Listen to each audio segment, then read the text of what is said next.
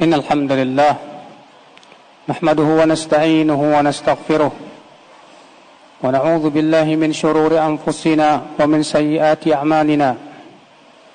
من يهده الله فلا مضل له ومن يضلل فلا هادي له. وأشهد أن لا إله إلا الله وحده لا شريك له. وأشهد أن محمدا عبده ورسوله. قال الله تعالى في كتابه الكريم يا أيها الذين آمنوا اتقوا الله حق تقاته ولا تموتن إلا وأنتم مسلمون. وقال تعالى يا أيها الناس اتقوا ربكم الذي خلقكم من نفس واحدة وخلق منها زوجها وبث منهما رجالا كثيرا ونساء واتقوا الله الذي تساءلون به والأرحام إن الله كان عليكم رقيبا. يا أيها الذين آمنوا اتقوا الله وقولوا قولا سديدا. يصلح لكم أعمالكم ويغفر لكم ذنوبكم. ومن يطع الله ورسوله فقد فاز فوزا عظيما. أما بعد فإن أصدق الحديث كتاب الله. وخر الهدي هدي محمد صلى الله عليه وسلم. وشر الأمور محدثاتها. وكل محدثة بدعة وكل بدعة ضلالة وكل ضلالة في النار أمة الإسلام Nabi sallallahu alaihi wasallam menyebutkan dalam sebuah hadis Inna Allah yubghidhu kulla ja'dhariyyin jawab sakhabin bil aswaq jifatin bil layl himarin bin nahar alimin bi amri dunya jahilin bi amri akhirah. Sesungguhnya Allah benci kepada setiap orang yang sombong dan kasar dan suka berteriak-teriak seperti di pasar. Di waktu malam bagaikan bangkai dan di waktu siang bagaikan keledai. Dia berilmu tentang dunia tapi bodoh tentang kehidupan akhirat. Inilah orang-orang yang Allah benci yang mempunyai sifat seperti itu. Allah membenci yang pertama yaitu kulla ja'dhari al-ja'dhari ay al-mustakbir orang-orang som yang sombong. Sombong kepada Allah dan sombong kepada makhluk-makhluk Allah. Rasulullah sallallahu alaihi wasallam menafsirkan makna sombong. Al al al, al kibru batarul haqqi wa ghamtun nas. Sombong itu artinya menolak kebenaran dan menganggap remeh manusia ketika kita menolak kebenaran yang disampaikan oleh seseorang hanya karena dia lebih muda misalnya atau karena dia bawahan kita misalnya. Lalu kita tolak berarti di dalam diri kita ada kesombongan. Ketika kita menganggap remeh orang lain karena ia misalnya lebih kurang ilmunya dari kita atau karena lebih miskin dari kita kemudian kita anggap ia remeh karena kemiskinannya Berarti di dalam hati kita ada kesombongan. Dan sesungguhnya orang yang sombong kata Rasulullah, la yadkhulul jannah man kana fi qalbihi mithqala dzarratin min kibrin, tidak akan masuk surga. Orang yang ada di hatinya ada sebesar biji sawi dari kesombongan. Kenapa? Karena ia telah menyaingi Allah dalam kesombongan tersebut. Karena sifat sombong hanya untuk Allah saja. Sebagaimana dalam hadis dalam hadis qudsi Allah taala mengatakan al kibriya uridai. Kesombongan itu adalah selempangku faman naza'ani fi adzabtuhu. Siapa yang menyaingi aku dalam kesombongan itu pasti aku akan azab dia. Manusia tidak berhak sombong karena ia adalah milik Allah. Dia butuh Allah semua ke kelebihan yang ia miliki adalah dari Allah Jalla wa Ala. Buat apa ia ia sombongkan ya akal Islam? Kewajiban seorang manusia adalah untuk tawadu, untuk senantiasa merendahkan hatinya kepada kebenaran, kepada manusia dan menyadari bahwasanya dirinya adalah hamba Allah yang lemah, makhluk yang lemah yang senantiasa mengharapkan demikian pula membutuhkan karunia Allah Jalla wa Ala. Yang kedua ia kasar. di dalam ucapannya kasar di dalam perbuatannya. Dan Allah tidak menyukai orang-orang yang kasar. Dan sebaliknya Allah cinta kepada orang-orang yang lembut. Sebagaimana Rasulullah sallallahu alaihi wasallam bersabda innallaha innallaha rafiqun yuhibbur rifqa. Sesungguhnya Allah itu lembut dan cinta kelembutan oleh karena itulah Rasulullah wasallam mempunyai sifat yang lemah lembut. Bahkan ketika Allah memerintahkan Nabi Musa dan Harun untuk menasihati Fir'aun Allah mengatakan qula lahu qawlan layyinan la'allahu yatadhakkaru aw yakhsha. Dan ucapkan kepada Fir'aun dengan ucapan yang lemah lembut. Mudah-mudahan ia mau ingat atau takut. Saudara kuasa iman kemudian sifat selanjutnya yaitu sakhabum bil aswaq. Suka berteriak-teriak seperti di pasar. Di mana ya akal Islam lisannya itu pedas. Lisannya suka menyakiti hati orang lain. Dia tidak peduli apakah orang itu akan marah atau tidak. Dia tidak peduli. Dan sifat ini tentunya ya akhi sangat dibenci oleh Allah Subhanahu wa taala. Dilaporkan kepada Rasulullah seorang wanita di mana wanita ini rajin dia salat tahajudnya banyak ia salat sunnahnya dan ia pun sedekah dengan harta yang banyak sekali. Akan tetapi lisannya sering menyakiti tetangganya. Apa kata Rasulullah? Hiya min ahlin nar. Ia termasuk penduduk api neraka. Maka ya akhal Islam, seorang mukmin laisa bila bi ta'an wala la'an wala fahash wala badhi. Mukmin itu bukan orang yang suka mencela. Mukmin bukan orang yang suka melaknat.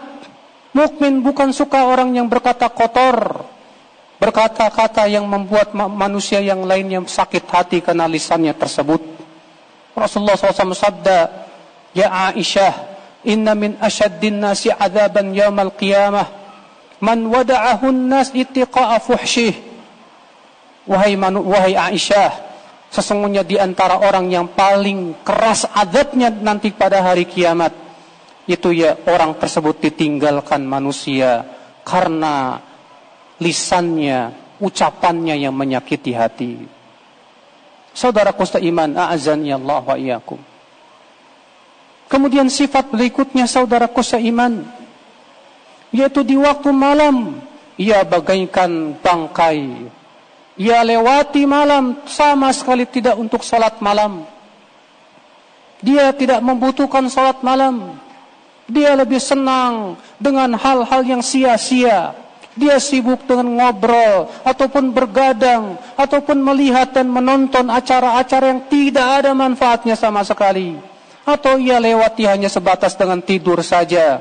Tidak ada keinginan di hatinya untuk berdiri kepada Allah walaupun satu rakaat di waktu malam. Imam Ahmad pernah ditanya tentang seorang laki-laki yang suka meninggalkan salat witir. Apa kata Imam Ahmad? Dzaka rajulun su. Itu lelaki yang buruk, itu orang yang buruk kata Imam Ahmad bin Hanbal. Karena sesungguhnya orang yang beriman akhi, mereka sangat suka melewati malamnya dengan berdiri beribadah kepada Allah. Allah berfirman menyifati kau ibadur rahman walladzina yabituna li rabbihim sujjadan wa qiyama. Dan mereka yang melalui malamnya itu dengan sujud dan berdiri bermunajat kepada Allah Subhanahu wa taala. Maka ya akhi tidak pantas orang-orang yang mengharapkan kehidupan akhirat ia melewati malamnya bagaikan bangkai akan tetapi ia berusaha untuk ada waktu yang ia bermunajat kepada Allah berdua-duaan dengan Allah Subhanahu wa taala. Allah berfirman inna nasyiatal laili hiya ashaddu wata'a wa aqwamu qila. Sesungguhnya ibadah di waktu malam itu lebih menguatkan hati lebih mengokohkan hati dan itu ibadah yang terbaik kata Allah Subhanahu wa taala.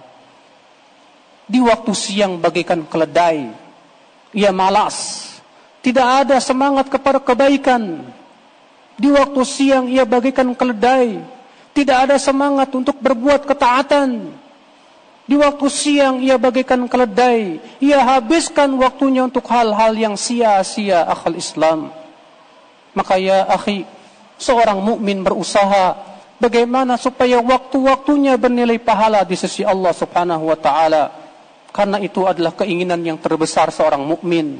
Dia ingin agar setiap waktunya mendapatkan pahala dari Allah Jalla wa Ala. Aqulu qawli hadha wa astaghfirullah li wa lakum.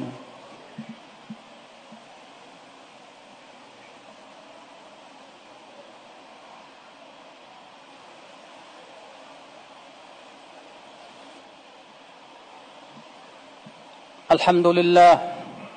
Wassalatu wassalamu ala Rasulillah. نبينا محمد وآله وصحبه ومن والاه.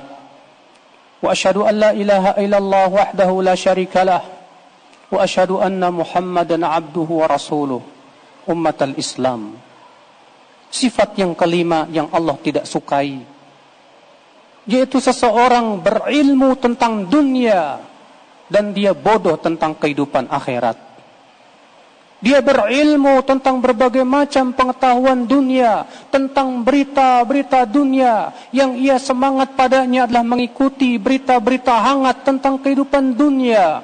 Tapi ia malas, dia tidak mau untuk mendalami ilmu akhirat, ilmu agama. Dia memandangnya sebagai ilmu yang remeh di matanya.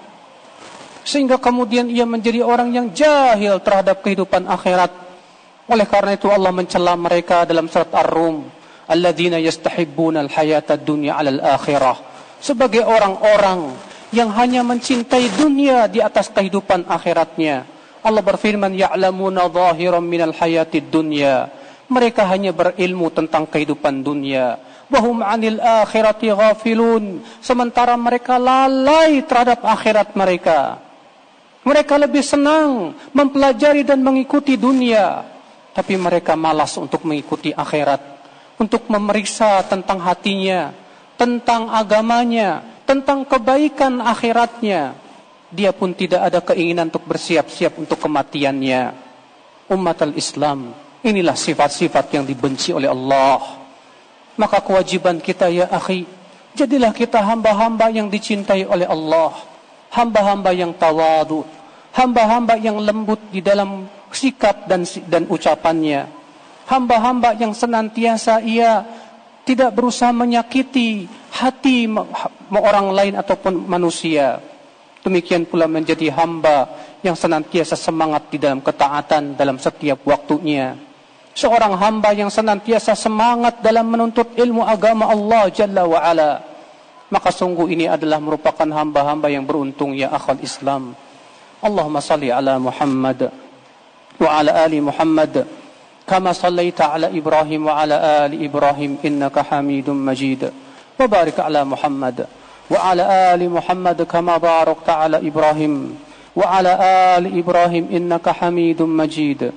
اللهم اغفر للمسلمين والمسلمات والمؤمنين والمؤمنات الأحياء منهم والأموات. إنك سميع قريب مجيب دعوة يا قاضي الحاجات. اللهم إنا نسألك الجنة ونعوذ بك من النار.